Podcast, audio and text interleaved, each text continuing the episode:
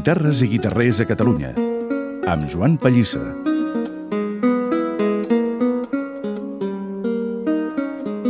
Joan Pallissa, bon dia. Bones.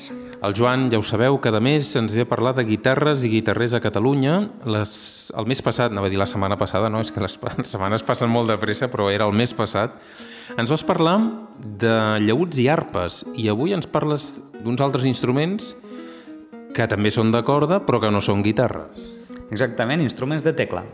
Avui m'agradaria parlar-vos de, de claves i clavicordis. Los feien els guitarrers, i és més, hi ha un parell de, de famílies importants del gremi que, que es dedicaven d'una manera sèria a la construcció d'instruments de tecla, com és la família dels Bofill i la família dels Alzina. Recordem que clave i clavicordi no són el mateix instrument. No. I a nivell històric ja ens trobam cosetes rares quan a nomenclatura. Per exemple, ens, ens trobam que, que en català el clave se li diu clave, clavicèmbal, clavicímbol i altres variants així, però en espanyol se li diu clavicordio. I en canvi el clavicordi, en català li diem clavicordi, clavicord, en espanyol se diu monocordio. Això, que pot semblar una tonteria, embolicada, però tonteria, en realitat ha causat bastantes confusions dins de la musicologia ibèrica que no ha tingut en compte que a Catalunya potser es parlava un idioma diferent abans. Si parlam purament de, de la mecànica de l'instrument, del funcionament de l'instrument, ens trobam que el clave, si molt imaginam això, una forma semblant a la del piano, així en una coa llarga, quan tu polses la tecla, la tecla fa palanca i aixeca una peça que es diu saltador que acciona un petit plectre, una pua, que pinça la corda, com si toquessin les guitarres elèctriques, les bandúrries actuals, etc. Doncs pinça la corda. En canvi, el clavicordi, quan polses la tecla, hi ha una peça de metall que es diu tangent que el que fa és percudir a la corda. Diguéssim, per simplificar, el clave funcionaria com un instrument de plectre, com una bandúrria, per exemple, i el clavicordi funcionaria més com, un, com el piano, és corda percutida. Ens vols parlar d'un instrument concret, d'un clave? Sí, us vull parlar del clave català del 18, de l'únic que tenim identificat perquè és l'únic que, que tenim firmat. És un clave que va fer Salvador Bofill a Barcelona l'any 1743. Este clave està a Bilbao, al Museu Diocesano de Arte Sacro, però ve d'un convent, del convento de les Dominiques de Lequeitio, a Vizcaya. Si miram l'instrument, és un instrument molt senzill, molt bonic, molt bonic. Per exemple, fet, està fet en, en materials bons però, però senzills, com el fondo és fet de pi, el, el riscle, diguéssim, els costats i la tapa de damunt són de xiprer, la taula harmònica és d'avet, eh, les tecles són placades en, en boix, és un instrument molt, molt bonic i molt senzill. Té dos registres de vuit peus, els registres són grups de cordes que tenen una sonoritat concreta donada la seva llargada, que s'accionen en unes palanquetes. No? Llavors, este té dos registres de 8 peus i cada peu té 45 cordes. Val? Lo, lo claviller és de fusta de noguer, és, és bonic, i, i dalt gravat, a pressió, al claviller, i diu Salvator Bofill fecit Barcinone, anno a nativitate domini 1743. Dius que és l'únic que es conserva fet aquí, Dic que és l'únic que es conserva signat aquí, perquè, ja us he dit, ho he repetit moltes vegades, és un instrument molt senzill i per documentació podem suposar en, en un alt grau de fiabilitat que la majoria de claves fets a Barcelona eren així senzills. Què passa?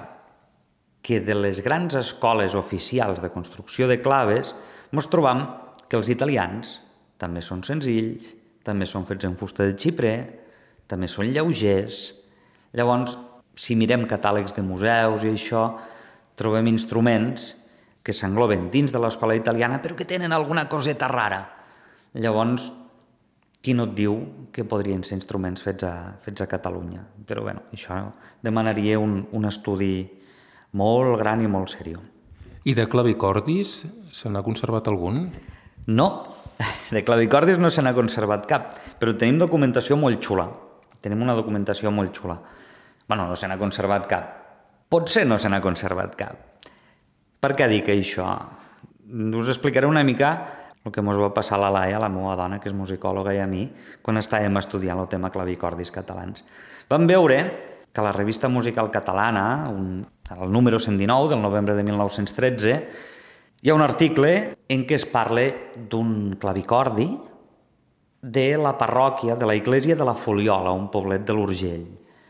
L'any 1914 hi ha un altre article a la mateixa revista en què es parla de la restauració d'este clavicordi.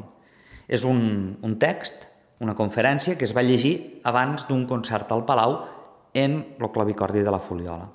Per tant, se sap que un clavicordi va sonar, hi ha constància, l'any 1914. I després què? En, este mateix, en esta mateixa conferència, eh, Joan Salvat, que és qui l'escriu, diu literalment Dies després d'haver llegit el present treball, he pogut comprovar el detall en el model més antic dels dos clavicordis que es troben en el centre excursionista, per cert, també de marca catalana amb dos. Tate, quan vam llegir això, mm, fent la recerca sobre clavicordis, doncs vam anar al centre excursionista. Arribam allí, preguntàvem, no, uns clavicordis, ens, ens van mirar una mica raro, però eh, xerrant en direcció i això, vam trobar la documentació, ens van explicar que estos dos clavicordis existien i que s'havien donat a l'Orfeó al voltant de l'any 1927, segurament l'any 26. No hi ha més documentació fins als anys 80 en què estos instruments, estos clavicordis i altres peces que el centre excursionista havia dipositat a l'Orfeó passen de ser dipòsit a ser donació. L'any 2006, este fons de l'Orfeo passa al Museu de la Música. Jo en aquell temps treballava allí i vaig ser l'encarregat de, de fer l'inventari d'estos instruments i allí no hi havia cap clavicordi. Llavors, què vam fer? Pues vam anar a preguntar a l'Orfeo i a l'Orfeo ningú sabia res. I a la que vam voler gratar una mica va esclatar el tema de, de l'espoli del Palau i ja no vam poder fer més recerca i d'estos instruments no se n'ha cantat ni gall ni gallina. Per tant, hi ha com a mínim dos clavicordis perduts, no se sap ben bé on, que haurien de ser al Museu de la Música i que no hi són. No, ni al Museu ni el de la Música ni el lloc, en teoria, però vés a saber, perquè igual del Palau no només se van espoliar pessetes. Doncs ens queda aquest enigma per resoldre on deuen ser aquests clavicordis que en algun moment van poder-se sentir, si més no, durant el segle XX. Joan Pallissa, moltes gràcies i fins al mes que ve. Gràcies a Valtres.